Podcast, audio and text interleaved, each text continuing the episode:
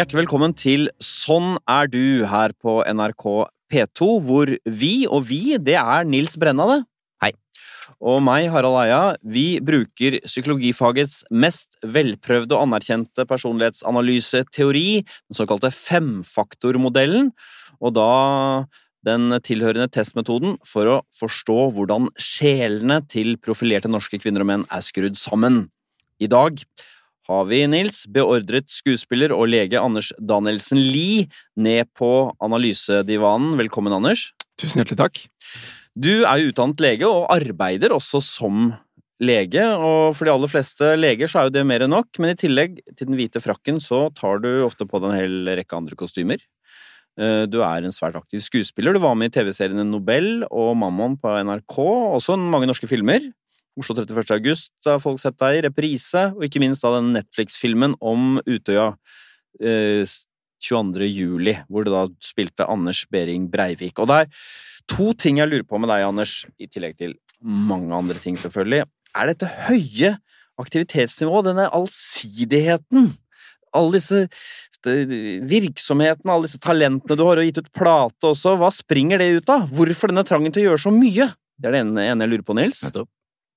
Det andre jeg lurer på, er deg som skuespiller, Anders. Når du er såpass mye brukt, så er det jo åpenbart fordi du er en flink skuespiller, men også fordi jeg lurer på om folk syns det er interessant å se på deg fordi det er noe som foregår under overflaten din. Altså, jeg tror jo prinsipielt ikke at uh, tilskuerne har tilgang til hva jeg tenker og føler. Altså, når jeg spiller Det er mange som tror det, at de ser at det er så mye under, og, og uh, at de uh, ja, fornemmer et sånn indre trykk av noe. Og da kan de også finne på at de, de, um, de tror de vet hva jeg tenkte i den og den scenen, og at de, de tror nærmest at de er tankelesere, mens jeg vet jo at det er det er ikke tilfellet. Jeg, jeg, har en hypotese om at folk er gode intuitive psykologer, da, gode tankelesere i gåseøynene. Men eh, la oss finne ut da, eh, om eh, min hypotese er riktig, for hvis det er sånn at Anders Danielsen Lie er en mye brukt skuespiller fordi det rører seg mye under overflaten, så skal vi få noen fine scorer, Nils, på denne personlighetsdimensjonen vi nå skal se nærmere på nevrotisisme. Nevrotisisme, det er jo negative følelser. Hvor mye livet ditt preges av det, Nils? Mm. Stemmer. Vi begynner med en litt sånn Jeg er vel ikke så fornøyd med betegnelsen på denne underdimensjonen, men den kalles da for depresjon. Ja, for det er jo, høres ut som den samme som klinisk depresjon, det er det jo ikke. Dette er jo tendensen til å føle seg nedstemt og trist. Så scorer man lavt på denne underdimensjonen under nevrotisisme, så er man sjelden nedstemt. Man kjenner sjelden følelser av skyld, ensomhet, håpløshet. Skårer man høyt, derimot, skyldfølelse, nedstemthet, ensomhet, man mister lett motet, og kan også beklage seg mye. Og typisk eksempel på noen som scorer høyt her, Nils. Ja, Typiske eksempler er Fabian Stang. Han har stått fram med det også. Uh, hatt mye problemer med det hele livet. Linnea Myhre. Og kanskje litt overraskende for noen, Hans Olav Brenner. De som har veldig lave scorer, uh, de vil jo gi mening for dem som har hørt uh, Anne B. Ragde. Christian Ringnes og Siv Jensen. Mm. Lite av det. Altså, jeg, jeg, elsket den episoden med, med Anne B. Ragde. Hvis jeg er litt uh, nedstemt en dag, så er det bare å sette på den episoden, og så er alt greit. ja, det er fantastisk. så hva med deg selv? Hva tenker du? Hvordan ligger du an her? Nei, altså, jeg øh, Jeg har nok ganske mye negative tanker og følelser. noen ganger så tenker jeg at det kanskje var verre før. at det har bleknet litt med, med årene. Hva er de negative følelsene for noe? Er det, er det en slags stemme som sier du er verdiløs? Sånne ting? Det kan være mye sånn Det kan være mye selvforakt. Men jeg har også hatt problemer med misunnelse og sånne skikkelig Veldig skammelige mm. følelser, da. Mm. Som, som, kan være vanskelig å kjenne på når du jobber i et sånn kompetitivt ja, og det kan være at noen som vinner priser som uh, kanskje du tenker ikke fortjente det helt, du gjorde en vel så god jobb. Er det den type ting? Eller få jobber, eller få skryt? Det, det kan være alt, det. Ja. Altså, nå høres det ut som det er et kjempeproblem nå, men, men jeg, jeg, tror jeg vil si at det var verre før. Det er vel kanskje noe av en sånn modningsprosess man må igjennom eh, når man jobber som skuespiller og jobber i et slags prestasjonsyrke, da. At Men- du må jobbe litt med den, den psykologien der. Mm. Og jeg vet ikke om jeg skiller meg ut uh, negativt eh, sammenlignet med andre, men jeg, jeg har tenkt eh, innimellom at det at det har vært eh, litt vanskelig for meg. Mm. Hva med denne liksom nedstemtheten? Ja, det, det også. Der, der vil jeg si eh, at eh, det også var verre før, men det kan nok være perioder hvor jeg, eh, hvor jeg er nedstemt, men ikke sånn klinisk deprimert igjen, da. Hva er Anders score her, egentlig, Nils? Ja, den er Ja, det er mulig den har blitt litt blekere, men den er fortsatt ganske høy. 68, som er 2-3% høyeste. Det er jo ekstremt høyt, da. Ja, det er en måte å si det på, det. Ja, det er veldig høyt. Altså, jeg har virkelig bare prøvd å svare på spørsmålene spørsmål i den testen uten å Jeg har ikke prøvd å lure testen. Jeg tenkte Nei. at, og jeg har også prøvd å svare ganske sånn eh, moderat fra hofta. Ja. Altså ikke prøvd å tenke altfor mye over hvert spørsmål. Nei, det er helt riktig. Så jeg, jeg forventet kanskje at den var noe lavere, altså, men eh, Ja. Men uh, ifølge testen så har du blant annet en tendens til å bebreide deg selv. Det er nok riktig. Få høre litt om hvordan det foregår. eh. Nei, jeg kan ta ett eksempel. Jeg, jeg har jo en tendens til å være litt eh, Jeg har jo et temperament. Eh, Det er det mange som kjenner meg som vil si, og kan være litt lett antennelig Skal i en del situasjoner. Det skal vi komme tilbake til. Men, eh, men da er det Jeg tror også da at jeg har veldig lett for å bebreide meg selv for de episodene. Angrer du eh, på, på Jeg angrer, og jeg angrer ganske fort. Altså, da snakker vi om noen ganger eh, eh, minutter eller timer etter at eh, jeg skjønner at, at eh, ting har gått for langt. Så begynner jeg å angre, Mm. og da sier jeg unnskyld og sånn. Så jeg har jo veldig jeg, jeg opplever ikke at jeg har så mange fiender i livet. Nei. Men det som er interessant, er at du, når du sier unnskyld, for å si det Mm. sånn, så mener du det. Det, det gjør jeg, altså. Ja. Jeg gjør det. For du kjenner Det på er skylden uforbeholdent. som du Ja. Ja, så det er mye skyld, og, og det er kanskje en um, Det er nok kanskje en øh, negativ følelse som jeg har hatt mye mer av enn angst og nedstemthet, er uh, følelse av skyld Ja. og uh, dårlig samvittighet. Det er interessant. Vi kan ja, røpe at uh, Harald og jeg er ganske glade der, så vi, vi, vi skjønner ikke helt hva dette er. Kan ikke du beskrive det for oss? Hva er denne skyldfølelsen?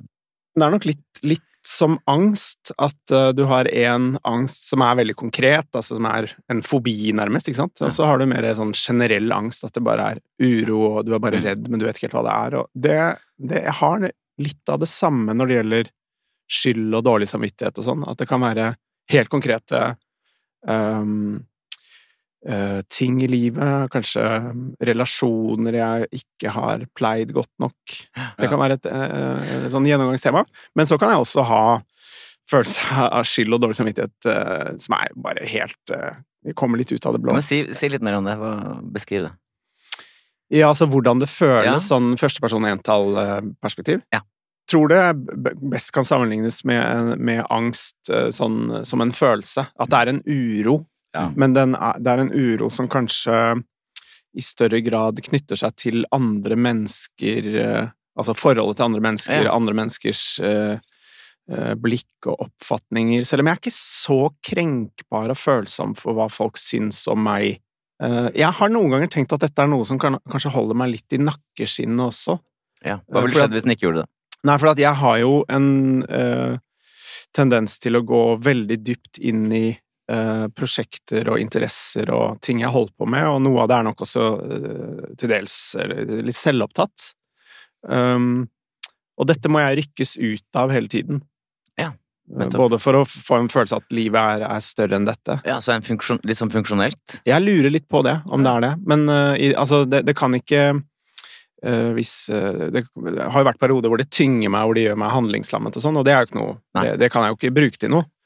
Men eh, jeg har tenkt at det kanskje på en eller annen måte holder meg litt i sjakk, da. Ja, i sin Og holder, holder mine ja. indre, indre demoner eh, litt i sjakk, kanskje. Skyld, skyldens gave. Et rutinespørsmål for folk som er så høye på depresjon som du er. Hva er meningen med livet? Ja, det, det er jo eh, Det spørsmålet der er, er, er nesten meningsløst. Nei, For jeg, jo- jeg syns jo livet er proppfullt av mening. Ja. Ja.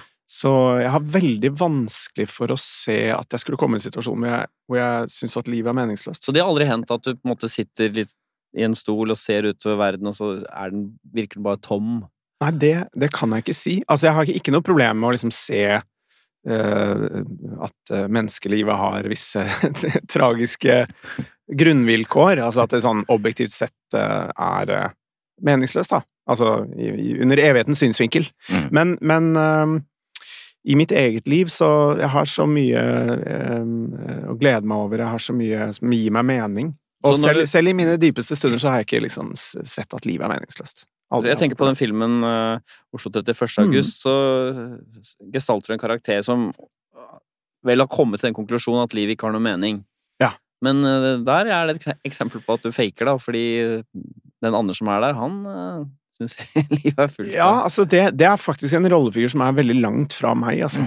Veldig langt. Altså, det er mange kontaktpunkter sånn øh, øh, øh, kanskje kulturelt og hvor man kommer fra i Oslo og sånn, men når det gjelder øh, Og jeg, jeg forstår psykologien som ligger bak. Jeg forst, tror jeg skjønner litt av avhengighetens øh, psykologi og sånn. Ja, for han her har et uh, rusproblem. Han har et rusproblem og har på en måte brent øh, alle broer og uh, byttet ut relasjoner med mennesker med relasjon til heroin, da.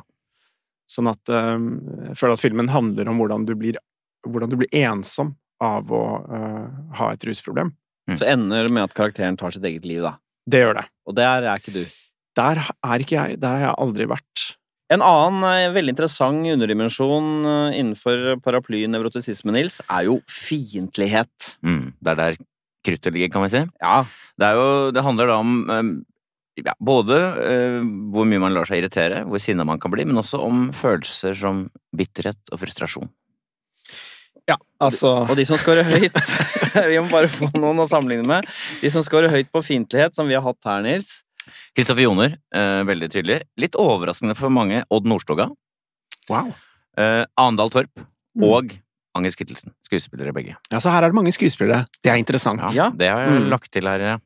Og jeg Og- kan vel slutte meg med i det gode selskapet. Vi Ja, kommer dit veldig snart. Vi skal først ha noen lave først. Egil Hegerberg. Ingenting av det. Også interessant. Petter Stordalen. Det er mye energi, men ikke så mye agg og grums. Mm. Og Solveig Kloppen, Nettopp. i mening. Ok. Du vil gjerne slippe til å si Før du sprekker raseriet her, får lov til å si hva du. Du er høy, er det du sier? Jeg vil anta at jeg er ganske høy, men det er noen nyanser. Du kan slepe Mm. ganske, faktisk. Er det helt eh, Er det rekord? Det er i hvert fall der oppe. 75. Du er såkalt inn, gått innenfor 1 Å, fy faen. Mm. Ja. Slapp av litt, da. Men, men du, du, du irriterer deg over ting. Fortell litt om denne mm, du, Nei, jeg kan jo bli Jeg er jo veldig irritabel og blir lett, lett rasende i Under innspillinger. Ja, ja. Hva er det som kan irritere deg? Åh, nei, det er jo Ikke sant, når du, skal, når du står og spiller, så er jo konsentrasjon er liksom den Det er den største knapphetsressursen du har som skuespiller på et filmsett, og, og det er tusen ting som kan rykke deg ut av den uh, veldig sårbare konsentrasjonsboblen. Eh, veldig mange mennesker som jobber for, for sitt uh, departement, liksom. Ja. Og du står der og, og prøver å føle noe, og prøver å, å få tilgang til noe, eh, noe som er ekte. Og så kommer de her er det noen krykker vi har skaffet. Det var kanskje ikke de krykkene du ville ha, men er det sånne ting, eller? Nei, det kan være um, at uh, du tror du er klar, men så må vi ha en kamera, kamerajustering, eller eh, lyset må justeres. Altså, og, Og da kjenner og du irritasjonen. Nei, det kan i hvert fall under noen omstendigheter hvor du skal gjøre noe vanskelig, så kan jeg, så kan jeg bli frustrert og, og sint, og det har skjedd mange ganger. Men det kan også være misnøye med eh, Det er vanskelig å lage film, det er vanskelig å, å, um, å produsere en film på en eh, smooth måte. Jeg tror dette handler om at som skuespiller så søker du alltid etter noe som er ekte, noe som er um, uh, Noe som er sant, og det er jo ofte følelser. Altså du jakter på en eller annen energi, da, som du kan ta med deg inn i en scene for å spille den så du tror på den selv, og andre gjør det. Og da uh, Den energien du får tilgang til, er ikke alltid helt den du ville ha. Um, men, du vil, men du vil ha energi, og så må du prøve å forme den dit den skal. Og det er ikke alltid jeg klarer. Hvis jeg skal, spille eh, veldig emosjonell i en scene, så jobber jeg veldig for å få tilgang til det, og noen ganger så kommer det uh, sinne eller raseri isteden. Å ja, inn en ubuden gjest. For eksempel. Det, det kan skje. Å oh, ja, kommer snikende mens du holder på å Det, ja, det kommer snikende, men, Ja. men jeg vil mye heller ha den energien enn ingenting. Jeg skjønner. Eh, Så jeg tenker ofte det at, at eh, følelser og energi er liksom grunnstoffet man jobber med som skuespiller, ofte. Og så er jobben å prøve å forme det dit det skal. Mm. Men jeg kan si til folk eh, på forhånd at eh, du skal være klar over at når vi gjør den og den scenen, så kan det være at jeg friker helt ut. Jeg bare sier det fordi at jeg vet av erfaring at det kan skje. Men det betyr at jeg er i prosess. Jeg, jeg jakter på noe, og vi kommer til å komme dit. Og hvis jeg skjeller deg ut eh, så du sier, Før vi skal spille denne scenen hvor vi sorterer glansbildene, så kan vi bare si ifra om at det kan, kan hende at jeg klikker. Ja, altså, jeg, jeg har hatt mye rare uh, uh, anfall uh, i innspillinger, og jeg er og vel, ikke stolt av det. Og jeg spekulerer ikke i det. Og jeg Nei. prøver virkelig veldig hardt å unngå det. Den, den høye scoren på depresjon og på fiendtlighet, det, det er jo bare to av seks underdimensjoner, Nils. Er Anders Danielsen Lie i sum en nevrotiker? Ja, Han er det. Tallet er 71. Oi. Tydelighet. Svært tydelighet. Du er da svært høy på fiendtlighet, som vi har snakka om, og depresjon, som vi har snakka om. Også høy på engstelse. Eh, og så er du tydelig høy på selvbevissthet. Og så har du også ganske høy score på sårbarhet for stress. Du kan havne litt i stressa ting og kjenne litt på stresset. Det er vel noe av den beskrivelsen på settet du har der. Ja, Eh, det, det maset og kjaset Mm. setter deg litt ut. Men denne sosiale angsten, når man er så øh, flink og vellykket som du er, kan du ikke si litt om det? Hva, hva er det det går på da? Når du møter et annet menneske som åpenbart er mindre begavet og har fått til mindre ting enn deg, og allikevel så kjenner du på en sånn usikkerhet. Beskriv det. Ja, det har, jo- det har jo ingenting å si i det hele tatt. Du kan føle deg underlegen. Ja, det kan jeg gjøre. Absolutt. Um, ja, det, er- det, det, der med sosial angst, det er, det, er så, det er så biologisk at det er liksom vanskelig å forklare det um, uh, psyk rasjonelt eller psykologisk, da. Fordi at det er bare noe som skjer når jeg havner uh, Er det noen spesielle typer situasjoner som trigger den sosiale angsten, eller? Ja, altså det, det, det klassiske eksempelet er jo small talk på gata, som, eh, som jeg har jobbet mye med. Har du jobbet altså, mye? Nei, men altså, jeg tenker liksom hver gang er en ny sånn mulighet til å kanskje få, få det til denne gangen. Jeg syns det er en veldig, veldig krevende situasjon. Ja, du har ikke av i det hele tatt. Du har jo barn, og da Mm. er det jo i barnehagesituasjonen med andre foreldre, Ja. og hvordan funker det for deg? Jo, det funker, det går greit, men, eh, men det, er, eh, det er ikke noe sånn det er, det er ikke Jeg er ikke i mitt ess, nei. jeg er ikke det. Så ifølge vår psykolog Rolf Marvin Bø Lindgren, Nils, så er det sånn at eh, livet betyr mye mer for nevrotikere, sier han. Ting Mm. blir veldig fort veldig, veldig alvorlig. Mm. Kjenner du deg igjen det? Ja, og det er nok en ting som mange vil eh, si, tror jeg, om meg, at jeg, at jeg er veldig sånn seriøs og streng og sånn. Mm. Uh, og alvorlig. Men du er, er du alvorlig? Ja, jeg er nok det. For du kjenner igjen Mm. i det han sier her, at ting føles alvorlig. Ja, eh, ting føles i hvert fall stort og viktig og sånn. Ja. Så mm, eh, det kan nok være en positiv egenskap også, for det trenger du når du går Når du jobber prosjektbasert eh, som skuespiller. Da trenger du et momentum, du, du trenger å, å føle at dette er det viktigste i livet akkurat nå. Mm. Og så kan du gå ut av den boblen etter det. Men ehm, men ja, jeg, jeg føler nok det ganske ofte, at Ja. eh, ting er viktige og store og tunge i livet. Da. Vel, Anders, du er en eh, fyr som eh, tar livet på alvor, men som du har vært inne på, er, du har både bunner og topper, og nå skal vi se på disse toppene, og se hva slags score Anders Danielsen Lie har på personlighetstrekket ekstroversjon.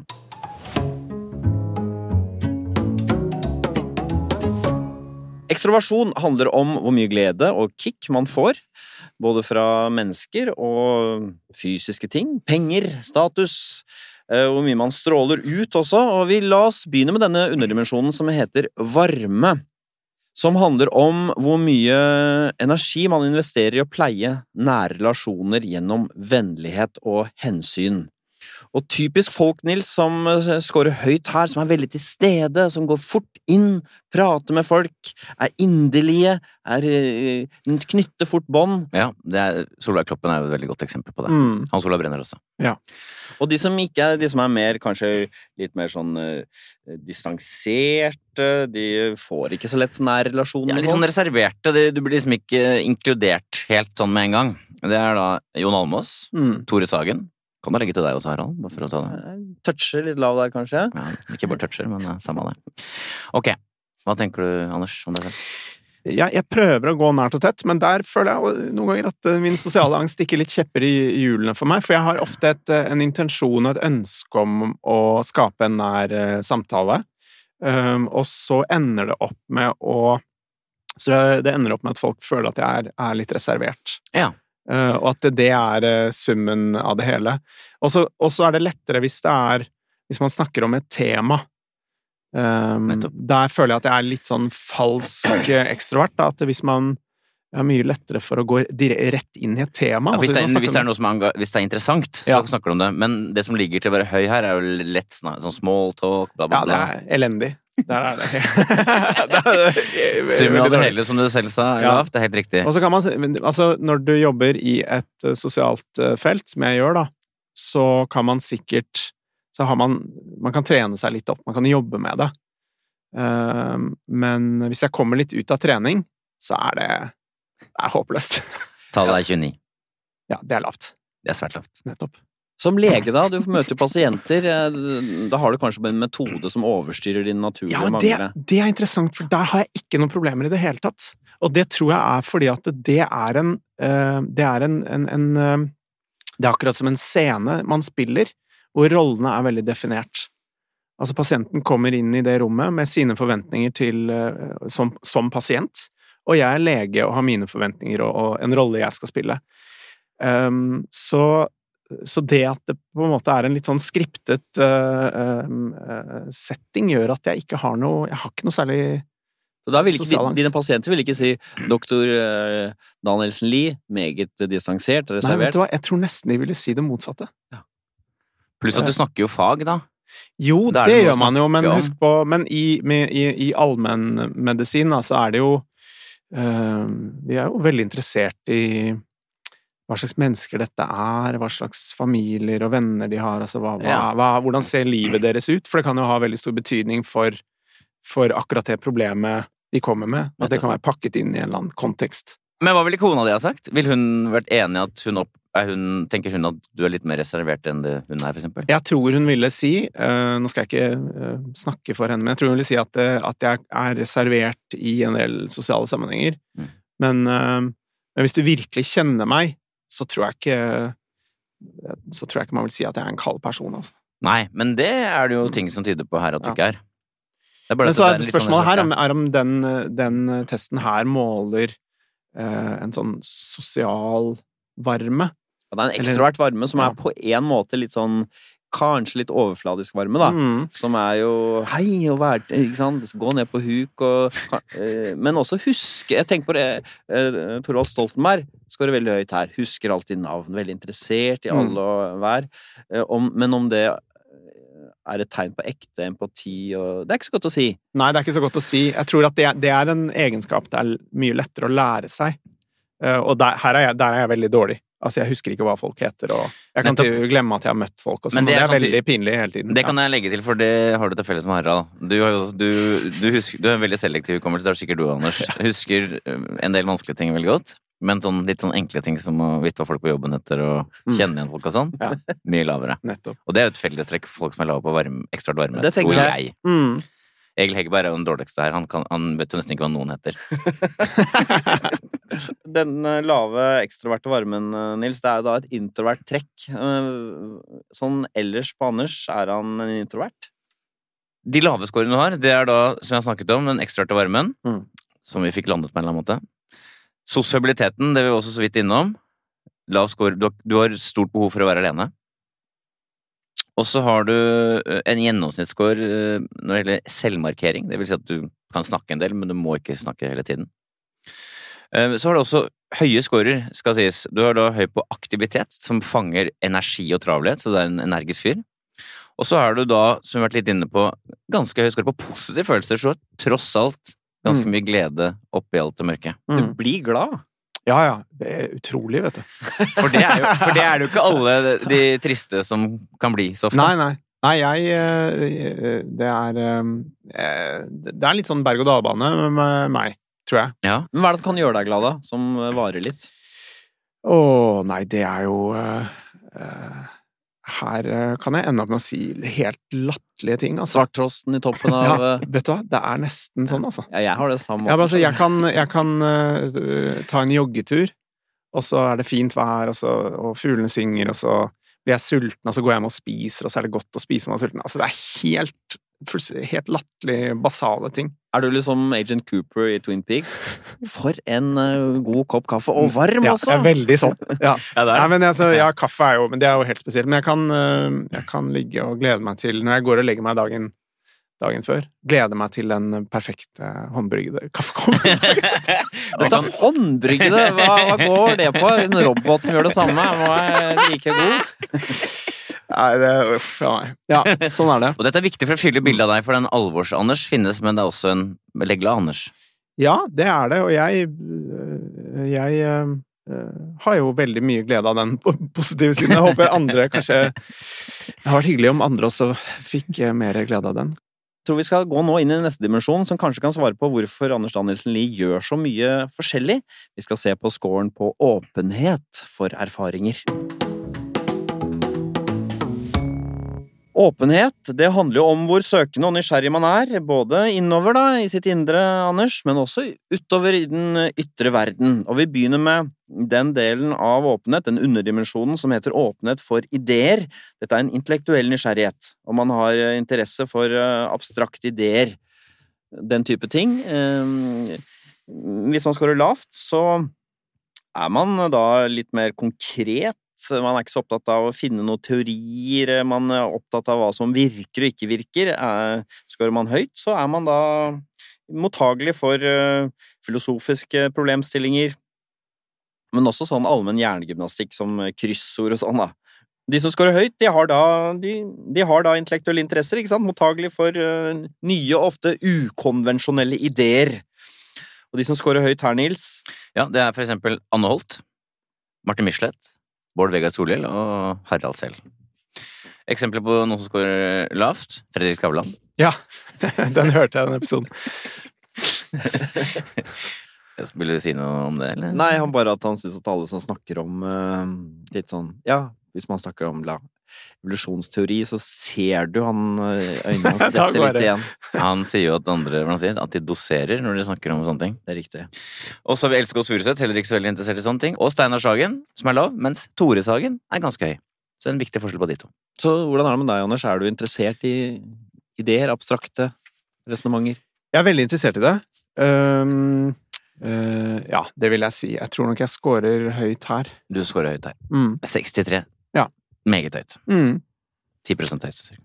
Men hva er det du kan være interessert i? Det, høy score her er jo et uttrykk for at man er interessert i mange ting. Mm. Fri vilje diskuterer du gjerne, hvis det er det om å gjøre. Har mennesket fri vilje, eller er alt bestemt gjennom fysisk-kjemiske prosesser i eh, hjernen vår? Ja, det, det diskuterer jeg gjerne, men jeg innser jo samtidig at jeg ikke øh, har nok øh, kunnskap til å diskutere det. Nei, men Men, det må det. gå an å ha en, Ja. en slags sånn kafédiskusjon Ja. om fri vilje, da. Arv og miljø Ja, en, en en informert øh, debatt uten å være ekspert Mm. om sånne temaer, det må Mm. det gå an, og det, det setter jeg ekstremt stor pris på. Jeg Nettopp. elsker sånne samtaler. Ja, det gjør det. Ja, det gjør jeg. Bør velferdstjenester privatiseres, eller er det best at offentlig sektor tar seg av det? Det Fantastisk. ja, å diskutere. Ja, det, det er noen mennesker som er sånn og sier sånn Nei, vet du hva, det kan jeg ingenting om. Det, det får andre være opp til andre å bestemme. Men Mm. det, det svaret kommer du sjelden med, da. Nei, eh, jeg, jeg elsker eh, de prinsipielle sidene ved det, og jeg elsker når det blir vanskelig, og når det ikke fins noe fasitsvar. Og en annen ting er at det, i, i filmbransjen så øh, Når du jobber med fiksjon, da, så er det jo ofte eh, Så er man jo ofte utsatt for et press fra, liksom, fra produsenter, finansiører og sånn om at, eh, om at man må eh, konstruere manus på en sånn måte at, at det har en uh, mer tilgjengelig underholdningsverdi for publikum. At det er en karakterutvikling, at det er en dramaturgi, en aktstruktur osv. Mens jeg, merker, jeg har veldig høy toleranse for at en film eller en eh, roman eller sånn ikke har noe særlig narrativ eh, At det ikke er noe narrativt fokus. Jeg er opptatt av tematikken. Og så er det veldig Det er en bonus hvis, hvis fortellingen også er engasjerende og underholdende. Selvfølgelig er det det. Men, men det krever jeg ikke av en, av en film eller, Nei, det er interessant, eller bok, da. Jeg kan altså blitt sånn eh, irritabel og sur, da, Hvis andre ikke er det. Hvis andre ikke er det. Eller jeg, jeg skjønner jo det, sånn statistisk sett er det jo det som er mest underholdende for folk. Ja. Men jeg vil gjerne prøve å smugle inn Ja. tematikk. Jeg vil gjerne prøve å smugle inn eh, det kjøtt på det beinet, da. Ja, interessant. Har du noen eksempler på at du har fått det til? Altså hvis jeg skal spille politietterforsker, så da prøver jeg å sette meg inn i, liksom, eh, den kunnskapsrevolusjonen som de har hatt i politiet de siste årene når det gjelder avhørsteknikker og sånn. Ja, For det, er det, det syns jeg er gøy. Ja, det er altså, kjempegøy. ja. Ja, og så er det ikke sikkert at, eh, altså er det ikke sikkert at det at, at eh, jeg får bruk for det i rollen, Nei. eller at det kommer til å merkes i det ferdige produktet, men det, det er gøy for meg. Ikke sant? Og uansett Mm. syntes det vært interessant. Så du er altså eh, åpen for eh, ideer og teorier, den type ting, men hvor åpen er du for følelser? Hvor stor rolle spiller følelsene i livet? Det er ofte en motsetning, tenker folk, mellom fornuft eller ideer og da mer emosjoner. Eh, Det skal vi finne ut nå, om det er en motsetning. De som scorer høyt her, som da ofte opplever dype simstemninger, som tar hensyn til magefølelse og bryr seg om følelse, Nils, det er typisk da Ja, det, da nevner jeg tre skuespillere først. Henrik Mestad, Mm. Agnes Kittelsen, Andal Torp. Alle tre gjør det. Men også Eivind Hellstrøm, interessant nok. Ja. Og Per Sandberg. Mm. De er i følelsens vold, Ja. tar Mm. hensyn til det, og så er det noen som scorer lavt, som eh, kanskje kjenner følelser svakt, og i hvert fall ikke forholder seg noe særlig til dem, lytter ikke til dem. Nei, det er Egil Hegerberg igjen, da. Og Tore Sagen. Men også interessant Erlend Lo. Bøkene er fantasidrevet, ikke, det er ikke så mye følelser. Mm. Hva med deg selv?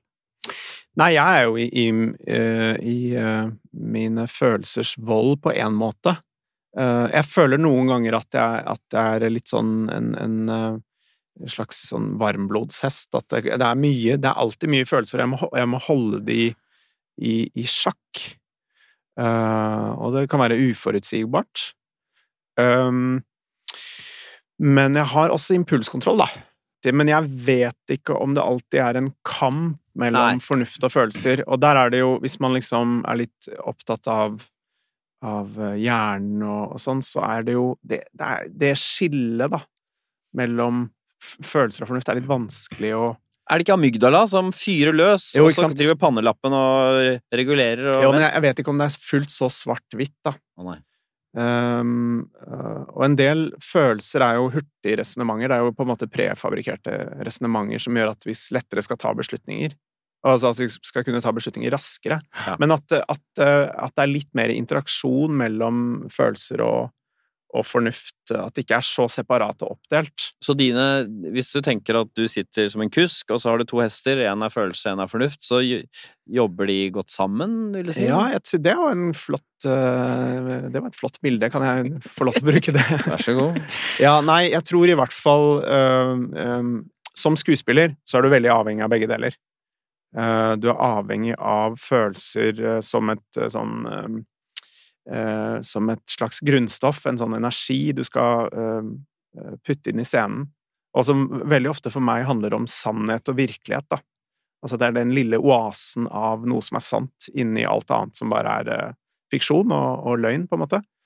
Eh, Men så trenger jeg analyse og fornuft til å liksom forstå scenen, til å forstå manus og skape en, en slags eh, eh, dramaturgi for min karakter og sånne ting. Det er interessant, fordi så langt vi har kommet, og jeg kan spørre deg om det, så er det, og det er det du sier, så er det ingen skuespillere som er lave på følelser. Men det er skuespillere som er høye på følelser, men lave på intellektuell nysgjerrighet og på liksom den type tilnærming. Ja, og det, det du sier der, jeg visste ikke det, men det, det er et inntrykk som eh, eh, Altså, det, det stemmer litt med mitt inntrykk. Hvordan opplever du det? Nei, jeg syns jo det ofte er et problem, da, at skuespillere ikke, ofte ikke er så uh, intellektuelt nysgjerrige. Og de vil kanskje ofte si at de er det, men, uh, men jeg syns ofte at en del ting skuespillere sier i offentligheten og sånn, avslører at de ikke er det. Hva, men, ikke sant, la oss si at de ikke er det. Mm. Hva er problemet med det? Problemet med det er mange ting. Altså, skuespilleryrket er jo, er jo et formidlingsfag, men ofte så skal jo da skuespillere stå på en scene og formidle noen av litteraturhistoriens største tekster. Ikke sant? Eh, Shakespeare, eh, ja. Og, og da syns jeg at uh, hvis du skal gjøre det, uh, på en bra måte, så, så, trenger man noe mer enn bare perfekt teknikk. Uh, og du trenger følelser også, men, men, det å ha evnen til å liksom problematisere, eh, analysere, eh, bruke intellektet og fornuften det, det, savner jeg ofte, da. Er det sånn at og nå, nå er det sikkert de... mange skuespillere som vil jo, jo, sable meg ned, altså. Men, det er greit ja. nok, men er det sånn at du nesten kan se det på noen at dette mangler de? I deres spill? Eh, hvis jeg skal være helt ærlig, så må jeg svare ja på det. Jeg, og det er, jeg er litt enig i det at iblant når de skal gestalte folk som er forfattere eller Uh, professor eller eksperter eller noe sånt, så ser du at dette, det er litt på bortebane. Jeg, jeg, irriterer meg grønn over at skuespillere er opptatt av alternativ medisin og altså, sånn generell uvitenskapelighet eller sånn intellektuell sloppiness da, blant skuespillere, da, da, det syns jeg er, er, flaut. Og det syns jeg noen ganger um, så, så, virker det som de er preget av at de har en, en høyskoleutdannelse som egentlig er ganske spesiell, uh, og at de har fått litt lite allmenndannelse. Altså sånn at de er gått det, det, Nå slenger jeg ut brannfakler. Ja, ja, men vi er med på den. Ja, Uff meg. Nå, jeg har sikkert sagt noen krenkende ting nå. Nå skal jeg legge meg, jeg legge meg flatt. Så sier jeg unnskyld med en gang, så er, så er, det gjort. Og det er, det er en uforbeholden unnskyldning. Ja. Ikke helt. Kommer fra hjertet. Jeg syns at dette trekket med åpnet og følelse er litt interessant når du har så lav skår på ekstrovert varme som vi snakket om i stad. Du tar inn så mye, du forstår så mye, av andre mennesker og deg selv, egentlig, gjennom denne åpnet for følelser, men samtidig så er det en slags sånn hinne mot andre mennesker. Mm. Jeg tror jeg er veldig var for omgivelsene, Nettopp. Uh, men, men, noen ganger er det ting jeg ikke får med meg også. Ja. Og det kan være litt uh, fordi jeg litt uh, går meg litt vill i mine egne tanker. Men det er interessant ja. å være litt sånn var, men også litt fjern. Ja. var og fjern. Ja, mm. ja det, det, det, det, stemmer, det. Mm. Så uh, høy på åpenhet for ideer, høy på åpenhet for følelser. Hvordan uh, ligger Anders an på de andre underdimensjonene på åpenhet, Nils? Uh, han er svært høy på estetikk. Det er kanskje ikke så overraskende. Og kunst i alle dens varianter. Håndbrygget kaffe. er det og, og musikk og Og så er du høy på verdier, som egentlig bare betyr at du er et tolerant og liberalt menneske. Ja. Moderne menneske, kan vi si. Og så er du gjennomsnittlig høy på handlinger. Altså åpnet for nye erfaringer. Og så er du sånn normalområde-ish på fantasi toucha høy. Men ikke spesielt høy. Vi kan vel fastslå at Anders er et åpent menneske? I sum svært åpent menneske. 68. Og det vil jo da, om ikke forklare, så i hvert fall eh, gjøre litt mer forståelig at eh, du har så mange interesser, at du gjør så mye forskjellig, lager plate det ene med det andre. Du, du fanges lett av ting. Du, du uh, syns mye er rart, er spennende. Men så blir jo spørsmålet, for å få til så mye, så hjelper det ikke bare å ha masse spennende innfall. Du må ha retning, vilje og drivkraft. La oss se på Anders Danielsen Lies score på planmessighet.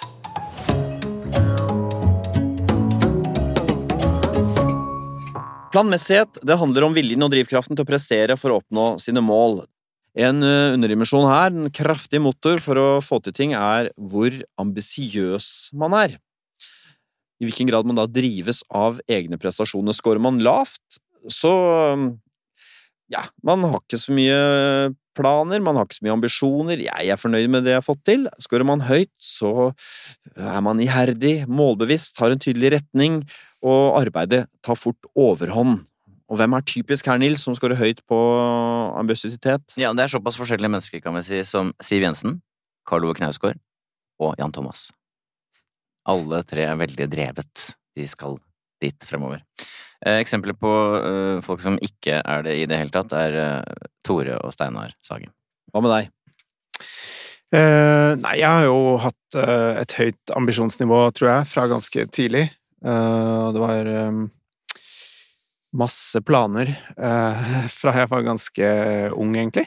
Når du er så ambisiøs, så mm. kan da, ifølge vår test, arbeidet ta overhånd. Gjør det det ja. for deg? Ja da. Jeg må nok si at jeg føler at jeg er på jobb litt hele tiden.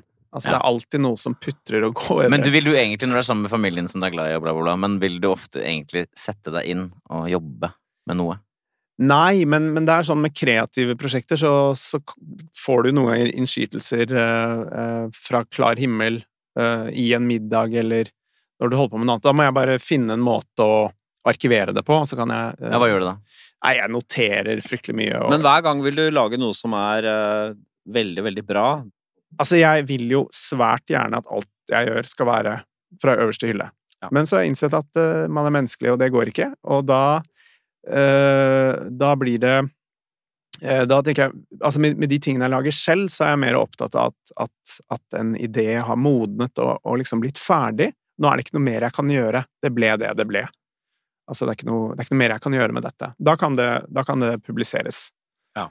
Um, og så uh, håper jeg at noen får noe ut av det. Men er du da kresen frem til det? Ja, jeg er ganske kre... Jeg er jo perfeksjonist. Uh, Ja. Jeg er jo det, altså. Hvordan merker man det?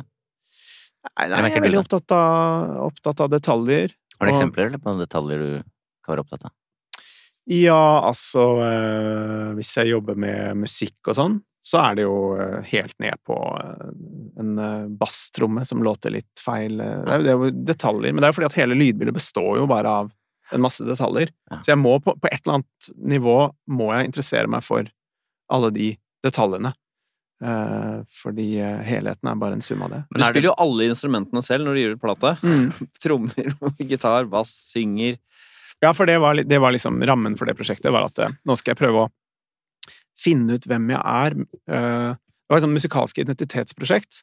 Når du spiller i band, så spiller du alltid Det blir sånn kompromisser hele veien. Det er liksom et ekteskap med mange personer. Og så vil jeg finne ut av hva skjer hvis jeg gjør alt selv, på godt og vondt, da. Mm. Så jeg prøver å lage en eh, sånn musikalsk dialog mellom meg selv som voksen og meg selv som barn, fordi jeg tok opp veldig mye på kassett som barn. Dette er et eksempel på det, hva det vil si å være ambisiøs, på en måte. Fordi hvis du hadde mm, tenkt at uh, ære og berømmelse var det som drev deg, så ville det jo objektivt sett vært smartere av deg å samarbeide med noen flinke musikere, for da hadde det kunne det blitt mer sånn no, en eller annen hit, eller da får man til Men her er det, det er det som er prosjektet. Du i tråd med denne, disse gamle kassettene dine, disse gamle opptakene, skal du spille alle disse Et identitetsprosjekt. Det er på en måte den visjonære ideen. Det er, det er å være ambisiøs, tenker jeg. Ja, og der syns jeg også fasettnavnet som er prestasjonsstreben, også er ganske dekkende. Det er du, du streber etter at prestasjonene du gjør, skal bli bedre og bedre. Er det ikke det du, er det, ikke det du egentlig beskriver? Jo, absolutt. Det, Det er det som er viktig. Det er det som er viktig. Så Ja. jeg, jeg drømmer alltid om Hver gang jeg gjør en rolle, så, så er jo så prøver jeg Nå skal jeg legge lista høyere. Nå er det liksom, går jeg for eh, eh, personlig rekord i gåseøyne. Som er liksom min, min opplevelse av hva det vil si, da. Vel, ja, Anders han er da mm, ambisiøs, høy score, men uh, dette er jo Men uh, planmessighet rommer jo mer enn det, Nils. Er Anders en planmessig type?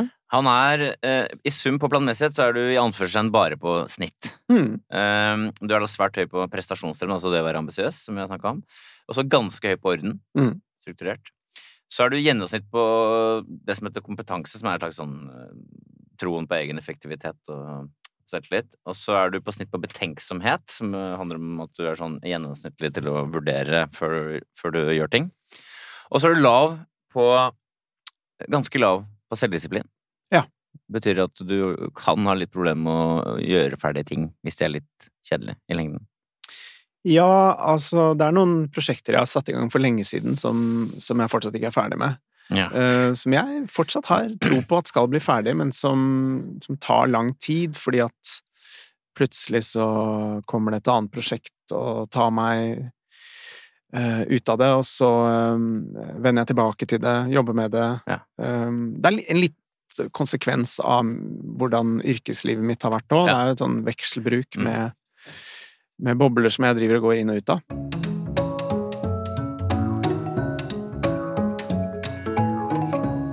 Medmenneskelighet det handler jo om mer enn empati. Det handler om samarbeidsvilje, hjelpsomhet, i hvilken grad man er villig til å sette egne meninger eller behov til side for å bygge og beholde en god relasjon med andre. Og da begynner vi med føyelighet. Oppstår det en konflikt? Er man da defensiv fordi man vil at det skal være god stemning og folk skal være gode venner, eller er man konfronterende? Så noen som er eh, høye på føyelig, eh, Nils, som Ja. helst skal ha god stemning. Ja, det er typisk konfliktsky, kan vi si. Bjarte Tjøstheim, Else Kåss Furuseth og Mari Maurstad.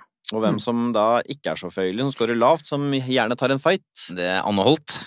Hun eh, liker det veldig godt. Friksjon. Siv Jensen og Christer Falk. Anders. Ja, jeg uh, scorer nok um, lavt på føyelighet. Det er Og riktig. jeg, jeg vil tro at det eh, oftere er grunnen til at jeg havnet i krangler og konflikter, enn at jeg er så høy på fiendtlighet. Uh, fordi Og jeg, særlig kan jeg bli provosert av eh, Ja, provosert nesten av, av et sånn ønske om at det bare skal være god stemning, hvis, hvis det er dypt usant der og da. Løgnen Ja. som eh, ligger over rommet for Ja, å dekke det er et alvor i det, nærmest. Du er jo opptatt av at ikke sant? ting er litt viktig noen ganger. Ja, der har jeg en svakhet. Øh, og det har nok mest kommet til overflaten i i forbindelse med filmprosjekter. Og jeg føler veldig sterkt at det fins en bedre løsning, eller jeg føler at øh, det vi gjør nå, er usant, mens hvis vi gjør det sånn, så blir det sannere. Um, og da blir det konflikt. Da havner jeg i konflikt, og, for jeg er egentlig også litt konfliktsky. Er det det? Ja, jeg er det, og det, det, i hvert fall, det føles sånn. Altså, jeg, jeg tar ikke gjerne en konflikt. Nei, for du, du gjør det fordi det, det føles helt nødvendig, men jeg du syns det er ubehagelig? nest- ubehagelig? nesten så jeg ikke har noe valg, og jeg syns det er veldig ubehagelig. Jeg vet at, og da vet jeg også at nå er det risiko for at det blir, blir krangel, Ja. og da, det skammer jeg meg jo veldig for. Da må jeg jo beklage meg med en gang, og det er jo Så dette, det ønsker jeg egentlig Nei. å unngå, men, men jeg klarer ikke å leve med at jeg vet at det fins Ja. liksom eh, er sann- så viktig. Ja, det er viktig. Nettopp. Jeg skal bare si tallet først, Ja. så Ja, okay. det fast. Du er lav, ja. 38. Tydelig lav. Mm. Det jeg tror skjer, er at jeg, jeg har vanskelig for å si fra om noe jeg føler er, er feil i starten, og så kommer det til slutt så bare Så bygger det seg Så bygger det seg opp, og så Ja. blir det eksplosivt. Ja, Nettopp. Ja. Jeg tror det er det som er problemet. Ja, for du må si, ja, du må si fra om du sier ikke fra med jeg må si fra, og jeg vet jo at jeg må si fra, men så utsetter jeg i det lengste, fordi jeg vet det, jeg orker ikke, og jeg er redd for mitt eget sinne og alt det, og så venter jeg for lenge. Og Hva så skjer blir da? det Nei, da blir det Ja, det er trykk, et trykk, trykkmetaforen passer jo her. Trykkoker. Trykkoker, Ja. Freuds trykkokermetafor kommer til sin rett. Ja, ja, ja. Men ta, kan det ikke ta oss gjennom en sånn Det er vel nesten flertallet av store uh, filmproduksjoner jeg har jobbet på de siste årene. Og da har det ofte skjedd fordi jeg har hatt de beste intensjoner, fordi jeg har et dypt ønske om at det skal være Vi skal levere kvalitet fra øverste hylle. Og- ja, men det tenker jeg, de som gjør de verste tingene, er jo folk som vil godt. Ja, jeg vet. Uh, nei, det, det høres, høres ikke bra ut. Det er veldig interessant, fordi uh, man kan jo ha lav føyelighet og være unevrotisk. Da er man litt mer sånn kverulant. Da føles det ikke nødvendigvis så viktig. Men det er jo som vi har vært inne på, at ting føles så viktig. Ja. Ikke sant? Og når du Jeg er mer det der. med den lave føyeligheten, det er Mm. da det virkelig blir eksplosivt. Mm. Ja, det er ikke en knirkete en kranglefant, nei. Det er eksistensielt, det er stort, det er Ja. viktig, og det er det som når den fiendtligheten kommer, og de sterke åpne for følelsene. Det er innmari mye Det kommer en brottsjø Mm. som da Ja, altså det, er, det har vært veldig dramatisk, og hvis noe av det der hadde vært fanget uh, på film, så hadde det vært uh, De må la kameraet rulle! Dypt fornedrende, og jeg jeg er ikke noe stolt av Nei, dette. Bare så det er sagt. Men gir det deg energi på noen måte? Og- Noen ganger så har jeg uh, fått tilgang til spennende ting i eh, bunnen av den frustrasjonen. Ja. Eller i noe ekte raseri. Det er Ja. ikke, ikke et sted jeg har villet gå, men, eh, men du står der, og du hanskes med et problem som fortsatt ikke er løst, og nå skal dette foreviges, og det skal kringkastes til, eh, til tusenvis av mennesker, og da blir du desperat, for du, du vil liksom naile, du vil fikse det, da. Men da, da oppstår det ting, er det du sier? Og da kan det noen ganger oppstå ting, som jeg tror er en blanding mellom eh, eh, energien i raseriet og liksom eh, kreativiteten i, eh, i, i desperasjon. Og da kan jeg gjerne um, få, Da får jeg noen ganger utbrudd som gjør at alle skjønner at nå må dere Nå vil jeg at dere skal skjerpe dere. Ja. Nå vil jeg at alle skal skjerpe seg for at da vi skal løfte det. Ja, det kan jeg si. En eh, annen eh, underdimensjon som, eh, som jeg syns er interessant, ligger under medmenneskelighet, er beskjedenhet. Altså hvor ydmyk man er. Uh, Skårer man eh, lavt på beskjedenhet, så har man jo høye tanker om seg selv. Jeg er bedre enn andre. Skårer man høyt, så tenker man Nja Man snakker nødig om egne prestasjoner. Uh, man uh, Ja, man er ikke akkurat selvutslettende, men man demper seg selv. Det er jo prososialt trekk, ikke sant. Så mm, typisk folk som er uh, veldig beskjedne, til tross for at de er veldig flinke, Nils. Ja. eh, olympisk mester Kjetil Jansrud er det. Uh, litt artig, Atle Antonsen Mm. er også det. Mm. Og skuespiller Agnes Kittelsen. De som eksempler på lave er skuespiller Andal Torp. Hun synes hun er best, bedre enn veldig mange andre. Selvgod. Ja. Fredrik Skavlan. Og Lars Lillo Stenberg, også litt interessant. En Litt sånn Ja. dyp kjerne av selvgodhet. Hva med Petter Stordalen, for eksempel? Nei, snitt. Ja, akkurat. Mm. Interessant. Mm. Mm. Hva med deg? Eh, ja, altså, jeg eh, tror jeg er litt blandet her, eh, men jeg er nok mer beskjeden enn hvis vi nå tenker på det vi nettopp snakket om, så er jeg faktisk, så tror jeg er overraskende beskjeden. Det er riktig. Ja. Du er ganske høy. 62. Tydelig høy på beskjedenhet. Som er, og det er interessant, fordi du er en litt sånn hyperambisiøs og sinna kranglefant, på en måte. Mm. Men også ydmyk. Um, Du er ikke så viktig oppi dette. Nei, det, det, det er jeg ikke. Nei. Jeg har eh, ikke noe sånn eh, men, men jeg tror nok noen i en del situasjoner opplever at jeg burde vært mer ydmyk. Uh, Ja. Og hva, hva går det på da? Hva slags type ting er det hvor Ok, da, hvis, hvis, vi, hvis vi står i en, i en eller annen kreativ konflikt, og jeg fighter for det jeg tror er riktig um, I en sånn situasjon så kan jeg nok oppleves som lite ydmyk. Men det er ikke det samme som selvgodhet. Nei. Jeg er ikke Nei. riktig på det. Jeg driter er fullstendig i meg selv. Prosjektet er viktig, er det Jeg har bare en veldig sterk intuisjon på at Mm. hvis vi gjør sånn og sånn, så kommer det til å heve kvaliteten på prosjektet. Mm. Um, men uh, Brysom, men ydmyk. Nei, altså, men jeg kunne nok, jeg kunne nok vær, vært mer beskjeden på en del områder. Jeg tror at eh, her tror jeg egentlig at jeg er ganske gjennomsnittlig. Ok, så Jeg vet ikke, men du er testen, ikke det. Jeg er ikke det, ok. Nei. Ifølge testen så er du en beskjeden type. Okay. Du er ca. 10% Wow. høyeste. Jeg syns jeg hører det når jeg hører deg fortelle om det du jobber med. Så snakker du gjerne om jobben din, men du skryter ikke av hvor bra du har fått til ting. Er, jeg vet at mange skuespillere har sagt 'jeg kom der, kom, naila det', og alle bare 'fy fader, du var god til å fekte der', det var det sto Altså, den, den type historier har man hørt mange ganger. Du forteller bare at du jobbet veldig hardt, kanskje full av tvil og selvransakelse. Fikk det kanskje ikke til, men jeg ga alt. Jeg, det må være sant. Sånn holder du på. Men dette er et sympatisk trekk, da, ifølge vår test, som du da er litt skeptisk til at du har, men ifølge vår test så er du da en beskjeden type. Ja, det er jo formildende, for å si det sånn, eh, med tanke Eller det er formildende hvis vi ser det i sammenheng med noen av de litt vanskeligere sidene dine, at du tross alt scorer høyt på beskjedenhet. Hvis du er beskjeden, så har du ikke spesielt Så er det ikke sånn at du tenker at du er bedre enn andre folk, for eksempel. Akkurat. Nei, fordi jeg tenker absolutt ikke at jeg er bedre enn andre folk. Og det er noen ganger en sånn eh, eh, paradoks for meg hvis jeg blir konfrontert med eh, som jeg jo ganske ofte gjør, at 'å, du gjør så mye', og 'hvordan er det å, ha så, å være så talentfull'? Mm. Det, det er et underlig spørsmål for meg, for jeg Ja. føler virkelig ikke Nettopp. eh, Det er et godt eksempel på det. At Ja. du føler det sånn når folk stiller det helt sånn logiske spørsmål, hvis vi kan si det sånn. Hvordan er det, er det å være så talentfull som du jo er? Men det, det resonnerer ikke hos deg. Egentlig ikke. Og så er det jo mulig at, eh, at noen tror at jeg da At jeg liksom koketterer og ja. sånn. Jeg gjør absolutt ikke det. Men jeg, jeg, jeg går rundt og beundrer folk som virkelig kan noe. Ja. Uh, mens jeg føler meg som en jack of all trades. Og det er jeg jo på mange måter, da. Hvordan eh, er Anders på empati? Jeg scorer han høyt her. Han er på gjennomsnitt. Ikke noe spesielt empatisk, helt som vanlige folk der. Men ja, ikke lav heller, bare så det er sagt. da. Andre underdimensjoner under medmenneskelighet, hvordan ligger Anders an der? Han er på snitt når det gjelder eh, tillit, altså du er gjennomsnittlig tillitsfull. Og så er du på snitt på rett fremhet. Du er verken spesielt taktisk eh, eller sånn som å si ting rett ut hele tiden. Mm.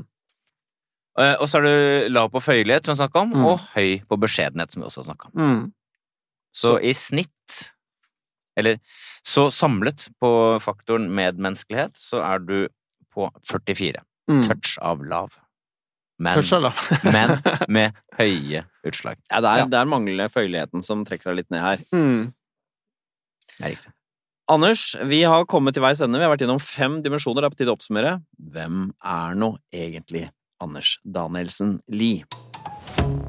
Jeg skal forsøke deg med en beskrivelse av hjernen din, Anders. Og jeg tenker jo, og der har jeg psykologer eh, i ryggen, at vi er ulike mennesker fordi maktbalansen i nervesystemet vårt er litt ulikt. Hos noen dominerer noen deler, andre andre deler. Og hos deg så har du en veldig aktiv amygdala. Det er mye følelser, det er engstelse, stress, sinne.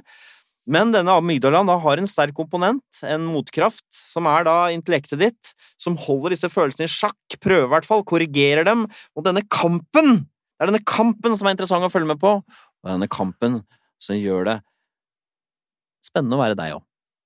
Jeg håper det. det var, takk for en flott beskrivelse. Da må jeg ikke lobotomeres, det er det første, for da mister, mister vi den koblingen. Jeg vet det er mange psykiatere der ute som brenner etter å lobotomere Anders, men hold uh, svipennen deres fra fatet. Men tusen takk for at du kom, og at du delte så åpenhjertig. Tusen takk for at jeg fikk komme. Takk.